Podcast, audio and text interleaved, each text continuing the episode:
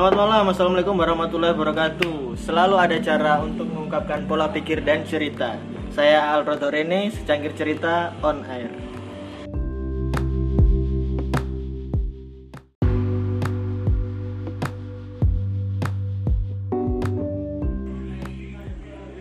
Assalamualaikum warahmatullahi wabarakatuh. Eh, Selamat malam teman-teman. Selamat sore, selamat siang, selamat pagi Mungkin kalau kalian lagi di pagi hari, siang hari, atau sore hari Kebetulan sekarang rekamannya lagi malam hari Eh, Oke lah, udah masukin habis lebaran Gimana puasanya kemarin? Penuh semua? Atau merah semua? Udah puasa bolong-bolong semua atau gimana?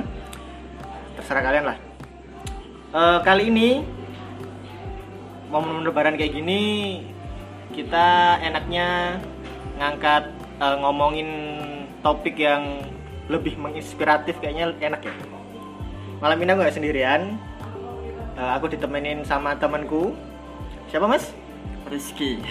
Rizky Iya. Rizky siapa ya Eh, nama panjang apa pendek?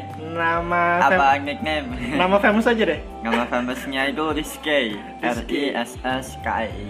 Oh, Mas Rizky ini Mas Rizky yang penyandang difabel kemarin, Iya, benar ya? Iya, iya, siap. Hmm.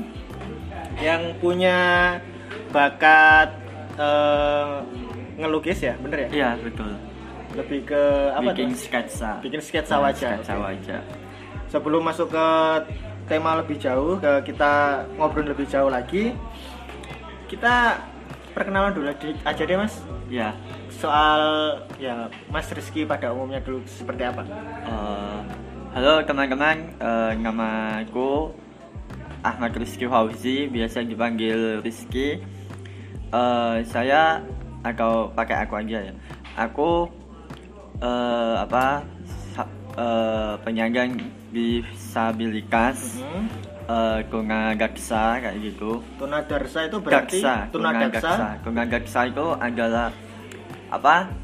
Eh, kekurangannya itu hanya di fisiknya. Contoh di kayak fisiknya. jarinya nggak ada, kayak seumpama tangannya nggak ada, kayak gitu itu termasuk tunadaksa. Hmm. Uh, tunadaksa itu kebanyakan masih bisa melakukan kayak jalan, kayak apa, kayak gitu. Kekurangannya hanya itu kayak jari, kayak tangan, kayak gitu. Itu tunadaksa. Kalau yang mungkin teman-teman difabel lainnya yang maaf eh, yang nggak punya tangan sama sekali Ya. atau nggak punya kaki sama sekali itu Itu apa juga? tunga- tunadaksa. Termasuk tunadaksa. tunadaksa. Oke. Eh, ya itu jadi malam ini aku ditemani sama temanku Rizky yang notabene eh, beliau ini maaf kurang begitu lengkap ya mas. Ya. Oke. Siap. Tapi dibalik semua itu Mas Rizky ini punya cerita yang menarik. Iya. Seperti apa ceritanya? Nah, kita sekarang masuk mulai masuk ke pembahasan Mas ya. Kayaknya Ya. malam ini hujan deh. Iya. Ramai banget. Dingin. Eh, kebetulan juga sekarang rekamnya lagi di kafe Mas yo. Iya di kafe. Lagi di kafe di Banyuwangi jadi ya ada backsound backsound suara-suara ya. musik, ya. Gak apa-apa lah. Semoga suara kita masih terdengar lancar. Ya, masih siap. Terdengar jernih. Ya. Oke masuk ke pembahasan aja langsung ya Mas. Ya. Aku pengen nanya nih, gimana sih perasaan Mas Rizky sendiri? Eh, karena Mas Rizky ini merupakan salah satu penyangga difabel, Ya. disabilitas. Gimana perasaannya Mas? Perasaannya itu yang pertama sikap manusia itu uh, pengen terakhir bukan apa ya sikap manusia nggak ada yang sempurna tapi Hmm. Dari fisik semua orang itu pasti pengen fisiknya sempurna kayak Oke, gitu. benar-benar. Uh, saat saya saat aku lahir kayak gitu itu pada awalnya ya banyak yang sedikit kecewa sedikit sedih kayak gitu tapi ya gimana lagi namanya udah dari Tuhan Yang Maha Esa Hmm. dilahirin jadi ya harus terima apa adanya kayak gitu walaupun resikonya apa resiko jadi orang difabel itu banyak yang menghina banyak yang ngebully kayak gitu dan susah berinteraksi dengan kawan-kawan yang lain. Pastinya seperti itu sih mas. Pastinya itu semua teman-teman difabel seperti itu kayak gitu. Suka dan duka pasti ada. Pasti ada ya mas? Ya Eh, berarti Mas Rizky ini mempunyai tubuh yang seperti ini sejak dilahirkan mas ya? Ya sejak lahir. Sejak lahir. Terus mas waktu kan pasti nih tadi Mas Rizky sudah bilang kalau suka duka pasti ada. Pasti. Menurut Ada. saya sih lebih banyak dukanya mas ya.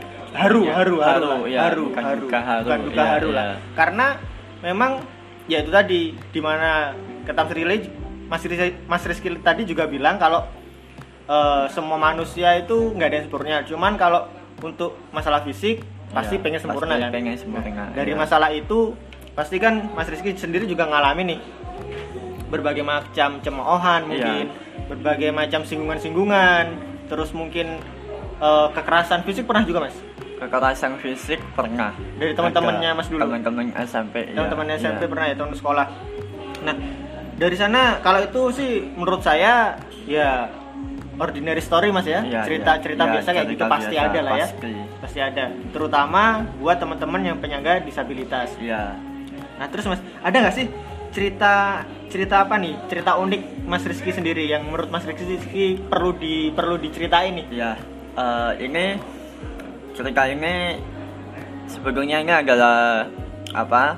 Cerita pengalaman Rizky pribadi yang jarang sekali di expose dan juga diluapkan sama Rizky. Hmm. Eh, gini ceritanya itu dulu Rizky eh, saat sekolah itu sering dibully dan lain-lain kayak gitu Sekolah waktu waktu duduk di di SD, SMP? dari SD SMP kayak gitu. dari kecil itu berarti Iya, Mas? jadi dari kecil terus SD SMP itu dibully. Sering diolok-olok, Iya sering kayak di gitu. cemooh. Jadi dari situ Rizky semakin berpikiran kayaknya nggak punya temen kayak gitu. Wah ini berarti kayak gimana ya? Kayak emosionalnya mulai drop ya? Iya mulai down, gara-gara dibully, dijauhin kayak gitu kan. Akhirnya jadi berpikir, down kayak nggak punya temen, merenung di kamar, galau lah kayak gitu. Hmm, galau, Terus- galau. Kalau sekarang galau ya bahasanya. Iya. Terus habis itu eh, apa? Dari itu semua kemudian Rizky mempunyai prinsip waktu kelas 2 SMP Hmm? Rizky itu langsung ngumpul sama teman-teman kelas 3 SMP. Jadi cari apa ya? Cari kakak kelas supaya melindungi Rizky kayak gitu. Oh berarti Mas Bolo, Rizky bolo, dulu bolo. Apa ya? eh, punya prinsip, punya pikiran bahwa kalau ah mendingan aku Kumpul sama kakak kelas. mendingan aku punya melindungi. temen sama orang yang lebih tua sama Ya, temen-temen yang lebih lebih tua. tua supaya aku nggak dibully lagi supaya Iya, dilindungi gitu. kasarannya gitu. Hmm. Rizky cari temen yang lebih tua dan juga agak nakal kayak gitu. Soalnya kan dulu itu kalau ada anak yang nakal itu nggak ada yang ganggu kayak gitu. Jadi Oh prinsip kayak kayak iya sih waktu dulu memang wak- pas di sekolah tuh geng-gengan gitu geng-gengan ya. Geng-gengan. Jadi Rizky langsung terjun ke kelas 3. Maka dari kelas 3 apa kumpul sama teman-teman kelas Hmm. 3 itu Rizky jadi ngakal kayak gitu. Ngakalnya itu nggak nggak terlihat nggak bisa dilihat teman-teman eh apa guru-guru nggak Hmm. bisa dilihat apa ibu bapak kayak gitu. Kalau Rizky itu ngakal itu sembunyi-sembunyi kayak gitu. oh Kak, berarti kayak gitu. mungkin Mas Rizky ini eh, nakalnya di lingkungan sekolah aja gitu? Iya, ngakalnya itu hanya di sekolah. Udah, Hmm. Di situ udah terjun ke dunia bebas lah, kayak ngerokok, kayak apa ya? Rizky Iya. juga pernah ikut seperti mereka lah, bolos, terus minum-minum pernah Mas minum nggak minum air putih pernah, tapi minum kayak hal-hal miras itu Ah. nggak pernah. Alhamdulillah sih masih ngerokok aja Mentok, berarti. ngerokok sama mencuri kayak gitu. mencuri apa tuh Mas Mencuri itu kalau dulu teman-teman itu biasanya mencuri apa? Spion, helm. oh waktu gitu. di parkiran berarti Iya, kalau Rizky handphone ini kelasnya. eh, ini sebenarnya jangan ditiru sih cuman Iya. Mas Rizky ini berusaha uh, pengen cerita aja Iya, uh, sharing gitu. sharing Iya, keluh kesahnya supaya- dia iya. mulai dari yang nol terpuruk terus bangkit lagi gimana Iya. sebenarnya Mas aku mau nanya nih kan tadi Mas Rizky bilang akhirnya milih bergaul sama teman-teman yang lebih tua iya. nah emang pas Mas Rizky milih bergaul sama mereka tuh mereka nggak nggak nggak nggak ngebully Mas atau nggak nyempooh atau Enggak, dan malah banyak yang ya semakin gimana ya? Ya teman-teman yang se apa sebangku itu, yang seumuran, Seumuran, itu, ya sekelas lah. Ya sekelas itu ya lama kelamaan ada yang apa dekat gitu loh mau Hmm. jadi temen kayak Hmm. gitu dulu ya itu dulu Rizky ikut teman-teman kelas kita itu ya malak kayak gitu majik kayak gitu Hmm, malak minta uang minta ke uang. adik kelas kayak gitu jadi dari situ Rizky semakin didekati kan sama teman-teman sebangku kayak Ah. gitu ya udah semakin dari situ kemudian Rizky anu apa nyaman dengan situasi seperti itu situasi nyaman nakal dengan kebiasaan-kebiasaan nakal, yang ya. nakal-nakal seperti itu. ya nyaman dari situ Wah berarti ternyata eh, apa kenapa nyaman karena dari sisi itu Rizky banyak teman kayak gitu Hmm. mempunyai perlindungan bisa ngobrol bareng bisa diterima lah walaupun Rizky berbeda Hmm. tapi dari itu semua Rizky bisa diterima oleh teman-teman yang non difabel Iya.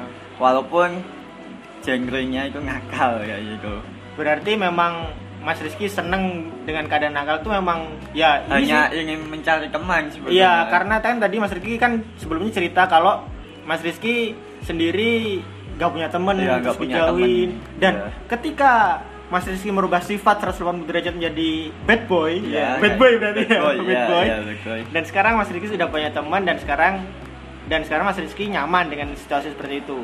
Karena memang eh, apa yang diinginkan Mas Rizky udah tercapai ya. udah ya Yang yang diinginkan yang diinginkan kan waktu itu punya teman banyak, ya, punya teman punya teman ngobrol. pengen ya punya temen intinya kayak gitu Hmm. intinya sih temen kayak gitu dan dan apa gara-gara itu udah punya semua udah tercapai semua ya terus mas situ udah banyak temen Hmm? tapi lama kelamaan ya nggak enak jadi nakal itu kak apa kayak resah gitu loh dalam apa- kehidupan sehari-hari itu jadi resah kayak mau ke sini itu takut ketahuan orang tua kayak gitu. Mau jalan ke mana takut ketahuan mau contohnya mau ngerokok gitu ya. Hmm. kan kebiasaan ngerokok. Oh ya jadi nggak enak tuh waktu di rumah itu Hmm. mau ngerokok itu nggak enak takut ketahuan orang tua Hmm. saudara kayak gitu.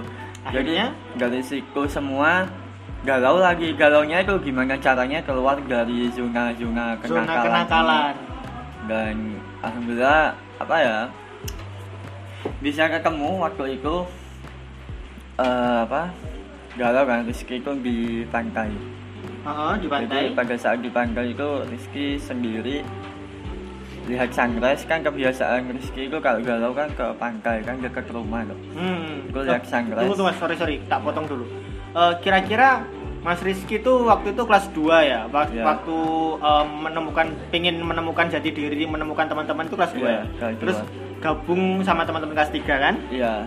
Nah, kira-kira fase fase kenakalan nih Mas Rizky itu berapa lama sampai sebelum Mas Mas Rizky galau itu yang mulai Ya, mulai sampai kelas dengan tiga kakak kelas itu udah lulus semua Mm-mm. itu Rizky semakin menjadi kayak gitu Hmm. mentang-mentang kelas 3 Oh iya, mentang ada senior. jadi penguasa kayak gitu Hmm. kasarnya kayak gitu tapi semakin mau lulus bukan karena pengen nilai bagus kobat kayak gitu Hmm. bukan tapi semakin mau lulus ini Rizky udah udah nggak nggak berpikir soal nilai soal kelulusan tapi galau resah karena Gara-gara?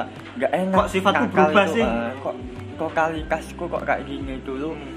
apa ya dulu diem sekarang kok gila kayak gitu Hmm. terus dari situ ya galau kan terus Berarti kira-kira satu tahun tadi Mas Yo. ya terus Udah merasakan bad boy. Jadi bad boy ya satu tahun. itu terbukanya itu waktu ke Mau kelulusan? Emang enggak Oh, belum? sekarang itu momennya sama mau kelulusan Hmm, mau kelulusan. terus aku ke pantai ini asli masih ada fotonya itu aku lihat sunrise Heeh. di situ ada lafaz Allah dari situ pleng awalnya gitu, a- Mas, ya? awalnya itu susah ini gimana caranya menghilangkan dari kebiasaan merokok mencuri kayak gitu Hmm. nongkrong nggak jelas kayak Hmm. gitu terus dari situ tiba-tiba ya itu lihat sunrise ya biasa kan lihat sunrise Hmm. tapi pas momen itu kenapa nggak ada awan tapi adanya lafaz Allah itu fotonya masih ada sampai Berarti sekarang kayak awan tapi berbentuk lafaz Allah gitu. Iya. Itu awan semua itu nggak ada awan bilang gitu loh. Adanya Hmm. hanya awan itu yang belakang Allah itu. Hmm. Dari situ Dari wah situ ketampar banget. ketampar banget. Iya. Jadi dari situ udah berubah balik ke apa ya Rizky mencari gimana ya Rizkynya harus jadi baik next mau melakukan apa yaitu Rizky apa yaitu kembali ke dulu SG Rizky suka gambar ya Hmm. jadi kembali ke gambar belajar belajar belajar ya. Berarti dari sebelumnya sebelum momen di pantai itu Iya. Mas Rizky ah, aku aku pengen aku pengen jadi kayak dulu lagi aku pengen Iya. tapi masih bingung caranya dan Susah, lain-lain iya. susah dan lain-lain ketika pas pas Lihat itu momen itu, itu, langsung, langsung ke udah nggak takut. Langsung 100% Ah, yakin. 100% yakin. Pingin balik lagi kayak iya. dulu lagi. Kapal kayak ini kayak anu banget ya Oh. hidayah banget gitu loh. Iya mas. Sebagai aduh gila pokoknya. Untung Rizky foto kayak gitu. Jadi eh, kalau sekarang itu Rizky kalau apa ya perilaku Rizky agak agak menyimpang Rizky langsung Agak foto itu ingat Ingat. foto itu kayak gitu terus nih eh, terus setelah itu kan tadi Rizky bilangnya balik lagi ke hobi-hobi yang lalu-lalu mendalami lagi hobi. Sebenarnya hobi gambar ini mulai kapan sih? Kalau hobi menggambar itu sejak sekolah dasar SD mulai SD mulai SD udah seneng gambar? Udah suka gambar. Dulu itu Naruto kayak gitu. Oh gambar anime-anime gitu. Iya. gambar tokoh-tokoh berarti? Tokoh-tokoh, iya. tokoh-tokoh. Berarti udah bukan bukan gambar-gambar yang random gitu ya berarti Bukan, ya dulu itu memang kartun spesifik ke gitu. kartun ya? Dan kartunnya itu kan tokoh kan? Maksudnya Tokoh, iya. orang ya orang Orang, gitu ya? iya. terus setelah itu mas setelah ya cerita-cerita perjalanan gambarnya gimana? Ya setelah kejadian itu kemudian Hmm. eh, Rizky ya itu belajar. Ah ya ketika itu masuk SMK kan? Oh, oh SMK, SMK itu ya ke momennya sama. Sama galaunya itu pengen berubah itu sama udah nggak layak SMK kayak gitu. Dari lulus SMP itu Rizky udah mikir Rizky ngakal kan kayak gitu kan pas Mhm. galau itu Rizky ngakal kayak gitu dan nilainya kan jelek Rizky itu bodoh kan Hmm. dari semua mata pelajarannya bodoh terus habis itu galau itu tadi kemudian di apa ada lafaz Allah itu Mhm. kemudian Rizky berubah jadi baik kasarannya gitu Mhm. kemudian yang awalnya Rizky nggak mau sekolah ngelanjutin itu oh berarti sebelumnya tuh pernah punya pemikiran bahwa wis aku gak usah kuliah mana soalnya gak usah iya, sekolah lagi iya pikirannya itu kayak udah setelah SMP itu nggak layak kayak gitu Mhm. aku kan kayak gini kayak gitu Hmm. terus setelah itu ya setelah kejadian itu kemudian berubah pulang dan dan saat itu ada temen ngasih info ada SMK baru kayak gitu bayar bayarnya murah Ah. terus kemudian orang tua nggak apa-apa udah bayarnya murah yang penting sekolah tiga Hmm. tahun kayak gitu setelah itu masuk ke SMK itu ternyata jurusannya tuh beda beda banget. Rizky itu kan gambar. Oh suka gambar. Kayak kayak apa multimedia kayak gitu kan Hmm. jurusannya. Akan Hmm. tetapi yang Rizky masukin ke SMK itu jurusan RPL RPL oke dan sekarang gue aku Aal kuliah di RPL dan itu buat teman-teman di luar sana yang mau kuliah atau yang dari SMP mau ke SMK jurusan ngambil jurusan RPL atau coding-codingan kalau kamu nggak punya passion nggak punya keinginan yang kuat kalau kamu nggak punya keinginan yang wah aku pengen kudu sok belajar nggak punya itu semua wis mendingan nggak usah Ya, oke? hmm. aku kuliah 6 tahun gak lulus lulus please tolong curhat aku. Dan Rizky terus ya apa dulu? Terus habis itu RPL RPL kan? Hmm. itu karena udah terlanjur masuk jadi situ Rizky udah ah ini nggak nggak cocok gitu. Hmm. jadi Rizky tetap ng- ngikutin pelajaran tapi sebisanya. Sebisanya. Tapi sejak kelas 1 SMK itu Rizky sambil mikir di sini ada wifi. Jadi full gunakan di dan di SMK itu kan banyak jam kosongnya. Heeh. jadi Rizky gunakan jam kosong itu untuk wifi yang lihat tutorial menggambar tutorial bikin apa-apa kayak gitu. Oh berarti belajarnya lewat YouTube. Belajarnya- selama, selama tiga tahun itu RPL itu nggak masuk di otak YouTube kan masuk di otak oke siap siap siap. Siap siap. Eh, jadi Rizky ini kuliah eh kuliah sorry sekolah di SMK dia Iya. ngambil RPL Iya. tapi dia sekolahnya nggak sekolah Iya. sekolahnya di YouTube YouTube gambar Iya. belajar gambar Ya, jadi intinya eh, kalau teman-teman banyak yang apa sekolah salah ambil jurusan Mhm. itu gunakanlah waktu sebaik mungkin ya, gitu. Iya untuk sesuatu yang bermanfaat iya, yang lain Iya, itu sih intinya. Oke oke. Terus mas, eh, waktu pertama mulai belajar gambar, mulai serius belajar gambar itu ngegambar apa mas?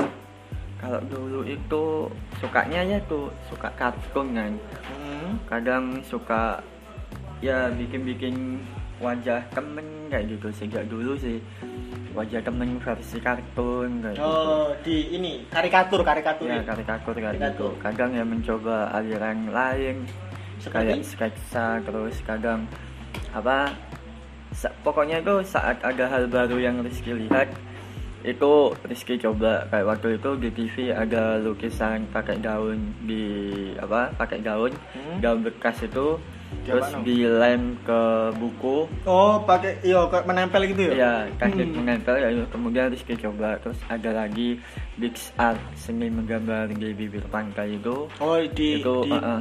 anu, pasirnya, di ya pasirnya. di pasirnya itu Rizky coba kayak gitu Berarti selama sekolah SMK kemarin ya menekuni belajar terus belajar terus. Ya sampai sekarang nemuin passion di gambar? Apa ya, tuh? sketsa. Sketsa, Kalau- ya, wajah, wajah. Terutama wajah. Dulu pas SMK itu dicoba semua sama Rizky kayak Hmm. pointillis pointillis itu menggambar titik-titik Yang gitu bintik-bintik tuh ya? kayak gitu Hmm, Oke, pointillis. ya banyak sih Banyak teknik-teknik yang Iya, dipelajari. dipelajari. Sampai nemu setelah lulus SMK baru nemu jadi diri yaitu gambar sketsa gambar sketsa. Wajah, ya. Gambar sketsa wajah. Eh, gambarnya Mas Rizky kebanyakan pakai teknik apa garis ya? garis, garis ya garis Lek teknik garis itu bahasa kerennya apa Mas? Aku gak ngerti Gak ngerti. apa ya? Kalau Liner, yang- liner, kena line, line. line a- ada. Kalau yang apa kalau yang melungker melungker itu kayak scribble. Scribble, oh ya, tapi kalau garis tahu. itu apa ya? Belum tahu ya Banyak kok karyanya Mas Rizky kalau teman-teman yang di sana mungkin belum tahu kebacut sih lek kurang tahu. Ini Mas Rizky ini sekarang lagi naik daun naik daunnya loh. daun daun lombok. Dan Lombok. Lagi alhamdulillah Mas Rizky ini mulai naik, mulai dikenal teman-teman yang lain, mulai dikenal publik, mulai bangkit dari eh kubur dari kubur sana lah kan. mulai bangkit dari keterpurukannya yang kemarin sempat yang tadi sempat ya itu diceritakan. ya dan sekarang akhirnya alhamdulillah menemukan eh, jati dirinya mulai menemukan passionnya di Dunia menggambar menggambar sketsa. sketsa. Oke. Terus mas dari kesempatan ini eh, dari kesempatan Mas Rizky yang udah menemukan eh, apa namanya tadi? Eh, jati diri ya. passion passion menemukan passion tadi. Oh no, ada nggak sih mas? Hambatan-hambatan yang mungkin sekarang dirasakan Mas Rizky? hambatannya sih eh, kalau hambatan sendiri itu pasti ada ya. Eh, kalau Rizky kan kekurangannya kan tang- pakai tangan dua kayak gitu. Kadang Oh, iya, gambarnya itu apa kertasnya itu geser Lari-lari, geser ya lari-lari kayak gitu. Itu hambatannya banyak tapi pas awal mula Rizky gambar itu kan di video kan sama Ah, Rizky itu awalnya itu goyang-goyang kayak gitu Hmm. terus kemudian Rizky nemuin teknik sendiri gimana caranya nggak goyang kayak gitu. itu ditahan Kertasnya? iya kertasnya jadi ditahan dan sekarang udah udah sedikit nggak goyang ya Sudah punya teknik tersendiri. iya ya? iya Ya memang sih kadang-kadang ketika kita mempunyai suatu kekurangan, kita harus bisa menutupi kekurangan itu dengan cara kita Cara sendiri. kita sendiri, Cara kita iya. sendiri. Nah, terus Mas, itu kan hambatan mengenai proses menggambarnya Mas. Kalau hambatan-hambatan di masyarakat apa Mas? Mungkin em, bukan masyarakat sih apa ya? Di semua orang Iya, semua orang. hambatannya itu banyak sih kadang gimana ya kalau temen difabel sama temen non difabel itu kan banyak yang nggak tahu isi hatinya kan maksudnya itu kalau kebiasaan teman-teman non difabel ya seperti itu kan kalau kebiasaan Ah. teman non difabel kan agak berbeda pikirannya pun agak berbeda kan.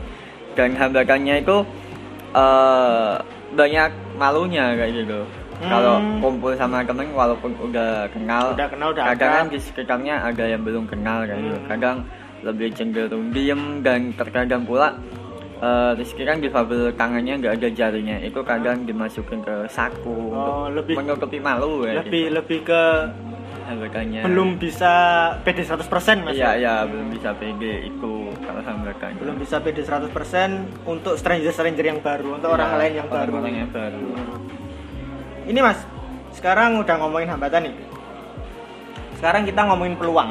iya Kemarin ini aku sempet Mas Riz- aku sempat lihat Mas Rizky ini kalau teman-teman mungkin juga ada yang sudah sempat lihat kalau Mas Rizky ini udah alhamdulillah banget dia udah rise, udah rise up, udah bisa terbit lagi. Eh, dia ini sekarang udah ini loh mulai dikenal-kenal publik gitu loh. Kemarin bahkan sempat sempat diundang di mana Mas? di acara Stasiun TV Hitam Putih Sempat diundang ke Hitam Hitam Putih. Putih. Itu di nasionalnya Mas yo. nasional Kalau di lokal banyak Mas yo. banyak di koran radio kayak gitu. koran radio lokal di, di Banyuwangi sudah banyak Iya. banget. Berarti notabene bisa dikatakan kalau teman-teman di Banyuwangi ini khususnya Iya. udah banyak yang kenal Mas Rizky ya. iya Lewat karyanya lewat tadi, karya. terutama lewat karyanya tadi. Kenapa? Karena Mas Rizky sendiri ini bisa rise, bisa up juga karena, Karena karya tadi. karya ya. itu tadi, Karya iya. tadi. Karena karya dan jangan lupa karena semangat Mas ya. benar? semangat iya kalau Semangat. ada dorongan semangat nggak bisa mas iya kayak gitu Nom- kunci nomor satu adalah semangat. Semangat, ya. oke. Kira-kira nih ngomongin peluang. Eh, selanjutnya apa sih target Mas Rizky? kalau selanjutnya kalau target ya mas Hmm. kalau target itu pertama kan dari dulu sampai sekarang sih ingin bahagiain orang tua Ya itu gitu. kalau Itu kalau kalau itu mah orang iya ya, itu itu gitu. sudah pastilah Ya. pasti ya. targetnya Spesifiknya. itu targetnya ya targetnya itu Rizky pengen pengen banget apa ya ngaktifin kan sekarang banyak loh channel YouTube tapi kasarannya itu channel YouTube-nya itu agak menyimpang Kalau sekarang mau ngomongin channel YouTube sekarang banyak kasarannya banyak tainya daripada Iya. banyak nggak tainya ya kan kasarannya nggak ada nggak ada isinya. Itu Iya, ke- ke depannya itu Rizky pengen Hah? Rizky ngaktifin channel YouTube Rizky dari Hah? dulu sampai sekarang itu nggak nggak cari apa ya nggak cari rating kayak gitu nggak cari viewer. Tapi Rizky hanya curhatan semua perjalanan Rizky itu di Hah? di up di YouTube-nya YouTube. Rizky berarti Rizky pengen ceritain telling story Iya, about Rizky semua semua cerita Rizky itu ada di channel YouTube Rizky. Itu pengennya Rizky kembangin sampai sampai ke depannya itu pengen Rizky kembangin. Soalnya cerita-cerita yang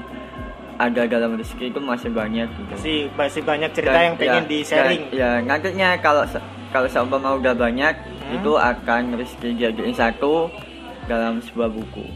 Oh, Pengennya berarti cita-cita Rizky sekarang pengen Bikin buku. nulis Sebetulnya buku biografi. Ya, dari biografi. Rizky sendiri. yang di YouTube itu hanya beberapa tapi Ya, potongan-potongan gitu. ya potongan singkat lah kayak gitu untuk memancing memancing memancing Ya untuk ini aja sih recall aja ya biar Iya. nggak biar nggak lupa. Terus mas, eh kalau ada target berarti kan pasti juga ada deadline dong. deadline iya Gimana nih? Rencananya berapa lama pengen nyelesain YouTube dulu deh? nyelesain YouTube Eh, kalau nyelesain YouTube itu gimana ya mas Eh, agak susah sih membagi waktunya ya Kadang- Karena sibuk apa sih sekarang? kadang ngerima orderan kayak gitu Orderan gambar ya orderan pasti ya? gambar Ah, kemudian ya kadang juga dadakan diundang di mana kayak gitu Hmm. kadang kayak gitu kan kadang benturan ya dan juga ngajar belum ngajar gitu. Ngajar apa mas? ngajar menggambar di salah satu TK di Banyuwangi kayak gitu Oh berarti Mas Rizky ini selain dia eh, gambar orderan, teman-teman order atau apa pun itu, Mas Rizky ini ternyata juga guru ngajar. bukan ya Bukan guru. ya banyak Apa? yang bilang guru tapi Nah, tapi ya cuma pengajar lah kayak gitu lah tapi ngajarnya di kelas Mas. ya di kelas lah Maksudnya bukan ini loh, bukan kayak les gitu bukan. ya bukan di berarti kelas. masuk kurikulum. Ya ngajar. kurikulum ngajar. Kadang Oh. juga eh, sama temen kadang ngajar di pelosok-pelosok bukan ngajar sih sebetulnya itu Lebih hanya ke terjun berbagi, aja, lebih ke terjun. berbagi, eh, berbagi ilmu di pelosok-pelosok Desa-desa negeri, gitu. desa kayak gitu. Itu targetnya juga anak-anak.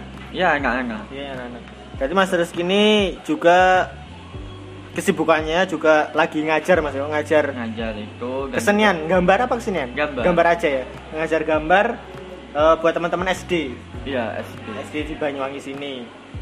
Terus mas eh, gambarnya gambar apa mas? Gambarnya itu kalau kan Rizky ngajarnya itu TK ada sama SD yang TK itu- sama SD, Ya. itu ngajarnya ya mulai dari dasar teknik menggambar kayak gitu Basic-basicnya gitu, basicnya Mas. dulu.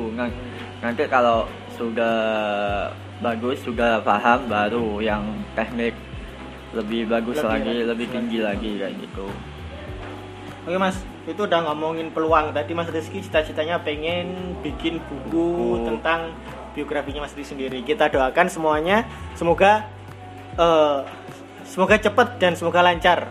Soalnya memang menarik sih kalau dibicarakan menarik sih memang gimana sih dia rise-nya, gimana dia bangkitnya kayak gitu.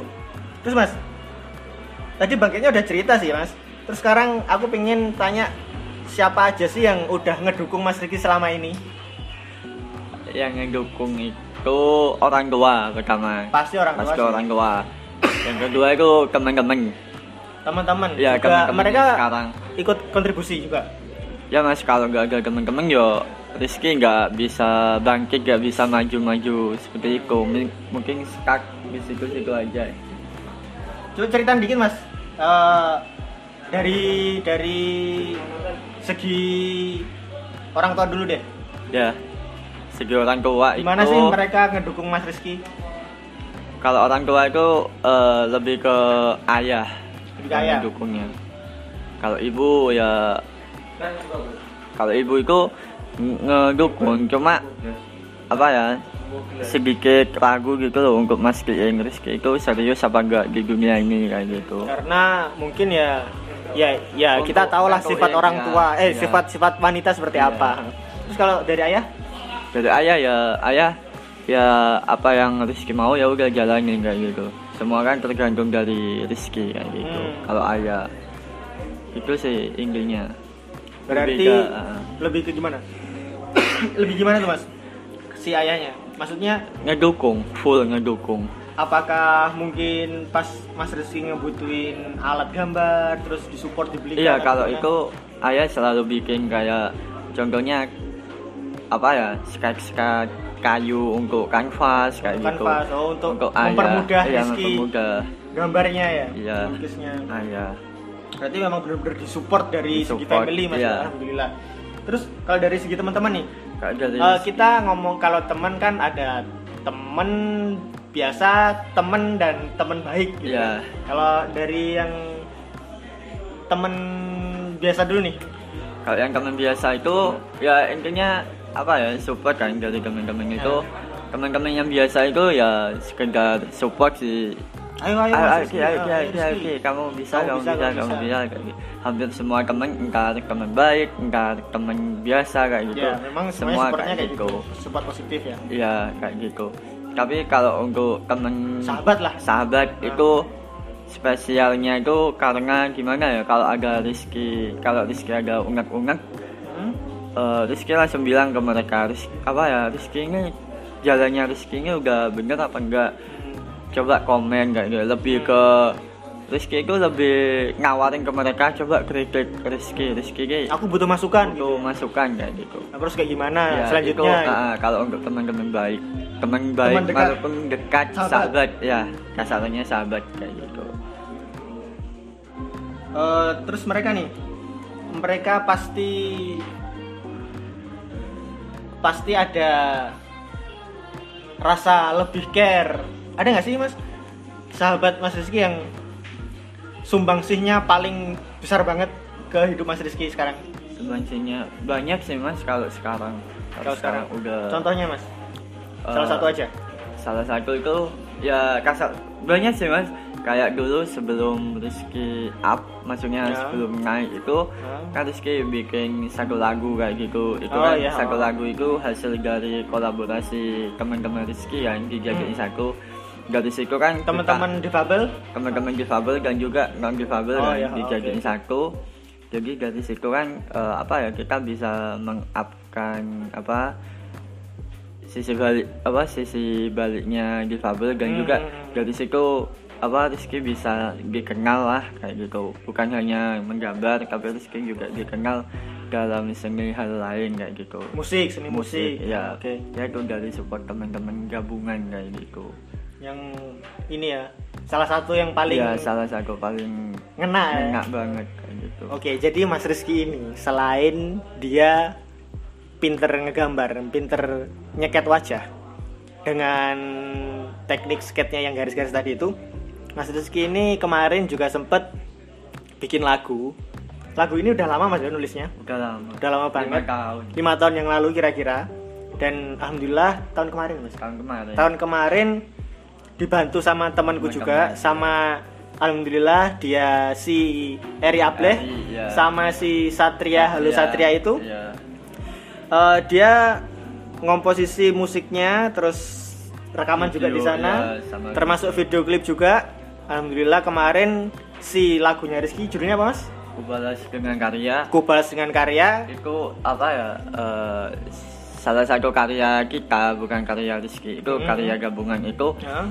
Eh, kita hanya bikin karya itu untuk apa ya sosial kasarnya sosial Ya. kan untuk membantu teman-teman difabel juga tapi alhamdulillah dari ke apa ke ikhlasannya kita sosial itu nggak nyangka lagu itu bisa di up di Metro TV kayak gitu Wah berarti dari yang tadi niatnya Coba, memang ah, bener-bener pengen- pengen nge-up. Eh, Teman-teman difabel. difabel ini loh sebenarnya teman-teman difabel itu nggak kayak gitu iya. Tem- sebenarnya teman-teman difabel itu ada yang bisa Iya, kayak gini iya. dan akhirnya alhamdulillah sampai bisa di-up ke ke ya lagunya itu Ah. di up sama salah satu berita Metro TV ya. di Metro TV alhamdulillah banget teman-teman jadi sebenarnya memang tadi yang dibutuhkan tadi kepercayaan diri mas ya? Kepercayaan diri. kepercayaan diri tadi ketika seseorang atau siapa pun itu mereka sudah percaya bahwa dirinya layak maka orang-orang di sekitarnya akan melayakkan dirinya sendiri. bener ya? Iya. dan lagu Kublas dengan karya ini udah bisa didengerin di mana mas? Di YouTube udah ada ya? Iya, udah ada di YouTube. udah ada di YouTube uh, video klipnya juga udah ada. Eh, itu itu. Mungkin memang yang perlu ditekankan di sini adalah message apa pesan? Pesan ini iya. apa mas pesan kira-kira mas? Kalau pesannya itu yang bener-bener harus kira-kira kunci kuncinya? kuncinya ya. Satu kita harus tetap percaya diri itu tadi harus Ah. tetap percaya diri dalam satu semua apa setiap manusia itu pasti punya visi misi sendiri ya pengen Ah, pengen bener. apa pengen apa kayak gitu pengen keinginannya ya sendiri-sendiri kita kita harus tetap fokus ke satu itu tetap fokus itu fokusnya itu 60% kayak gitu Ah, tapi oke. untuk sisanya itu kalian bisa apa mencabang Cabang Kasar, kasarannya itu untuk mencari hal lain hal baru hal baru Oh, mencoba keinginan mencoba, mencoba lain. ah, ah, kayak bisa menyatuin temen dalam satu karya kayak gitu. Oh, iya, oke, oke. intinya kayak gitu. Tapi tetap fokus ke yang utama. Contohnya itu Rizky ya. Rizky fokus ke menggambar. Oke, itu ah. full. Tapi Rizky bercabang. Di sisi Mencoba, lain, ah, di sisi lain Rizky mencoba belajar bikin puisi bikin video Ah. kayak bikin lagu kayak gitu. Tapi tetap kuncinya satu itu ya Rizky di menggambar kayak gitu. Intinya dan tetap percaya diri dan semangat dan nggak usah takut hasilnya gagal kayak gitu nggak usah takut Oke oke bener. Eh, kemarin sih kalau ngomongin gagal ya si Thomas Alva Edison kalau dia nggak nggak coba percobaan yang ke seribu nggak ada bakal lampu sampai sekarang. iya ya oke. Eh, itulah tadi udah tak sampaikan udah kita cerita juga ngobrol-ngobrol sharing bareng Rizky yang dia eh, kita tarik, kita tarik kesimpulan aja. Dia pertama itu orang yang difabel dari lahir terus dia udah ngalamin eh, asem Manis. manis bukan asam manis ya. Apa? Baik buahkan pahit apa sih? Garam itu rasanya apa sih? Asin asin asin. wis deus. Banyak makan asinnya garam. Waktu di sekolah duduk di SD SMP dia udah udah, kenyang udah sampai muntah juga ngalamin cemoohan bulian dan lain-lain tapi dari sana dia udah bisa bangkit lagi dia udah bisa rise lagi dia tunjukkan bahwa dirinya itu adalah difabel itu bukanlah sebuah kecacatan, bukanlah sebuah kekurangan. Di sini aku bisa di sini kata Rizky, di sini aku bisa tunjukkan iki lo aku, iki lo aku iso dengan tubuhku yang cacat kayak gini, aku aku nggak mati, aku nggak terpuruk, aku bisa bangkit, aku bisa rise. Dia udah sekarang udah jago bikin gambar, dia udah bisa skate wajah dan lain-lain, dia udah rise, udah up, udah terkenal, eh, sorry, udah dikenal, udah dikenal di masyarakat apa pun itu semuanya. Bahkan dia juga bisa bikin lagu buat ngewakilin teman-teman difabel teman-teman yang udah merasakan dibully. Ayo dari lagu Rizky ini Kupas dengan Karya Rizky ini ngajak teman-teman. Ayo teman-teman. Teman-teman difabel khususnya ya. Ya ayo teman-teman jangan jangan kamu menyerah. Ayo kita bangkit ayo kita rise ya aku udah pernah ngalamin itu ya bener Rizky? Iya. terus tadi Mas Rizky juga punya message buat kita semua. Juga punya pesan bahwa yang pertama kamu harus tetap percaya diri. Percaya diri bahwa kamu bisa percaya diri bahwa kamu itu layak. Dan yang kedua adalah fokus ketika kamu percaya diri tapi kamu tidak fokus ambiar semuanya. Ambiar itu apa ya bahasa Indonesia ini betul ambiar itu ya nggak ada anunya apa ya? Hampa. Ya. Paham pak ambiar Iya, iya. nyar ngono lho. Jadi ini kamu harus tetap fokus. Yang pertama percaya diri dan yang kedua kamu harus fokus. Ya wis mungkin itulah eh, 40 menit yang semoga bisa menginspirasi teman-teman semua di sana semoga 40 menit tadi bisa membuat teman-teman rise, bisa membuat teman-teman bangkit bahwa sesungguhnya ya tadi itu kekurangan bukanlah hambatan untuk kamu melangkah. Tetap berkarya, tetap solid. Ya akhirnya anything always have their own way to explain. Secangkir cerita, undur diri, saya Alro Rene dan saya Rizky. Rizky, oke nanti kayaknya butuh iklan deh ya, iklan dulu ya. Rizky bisa ditemuin di mana?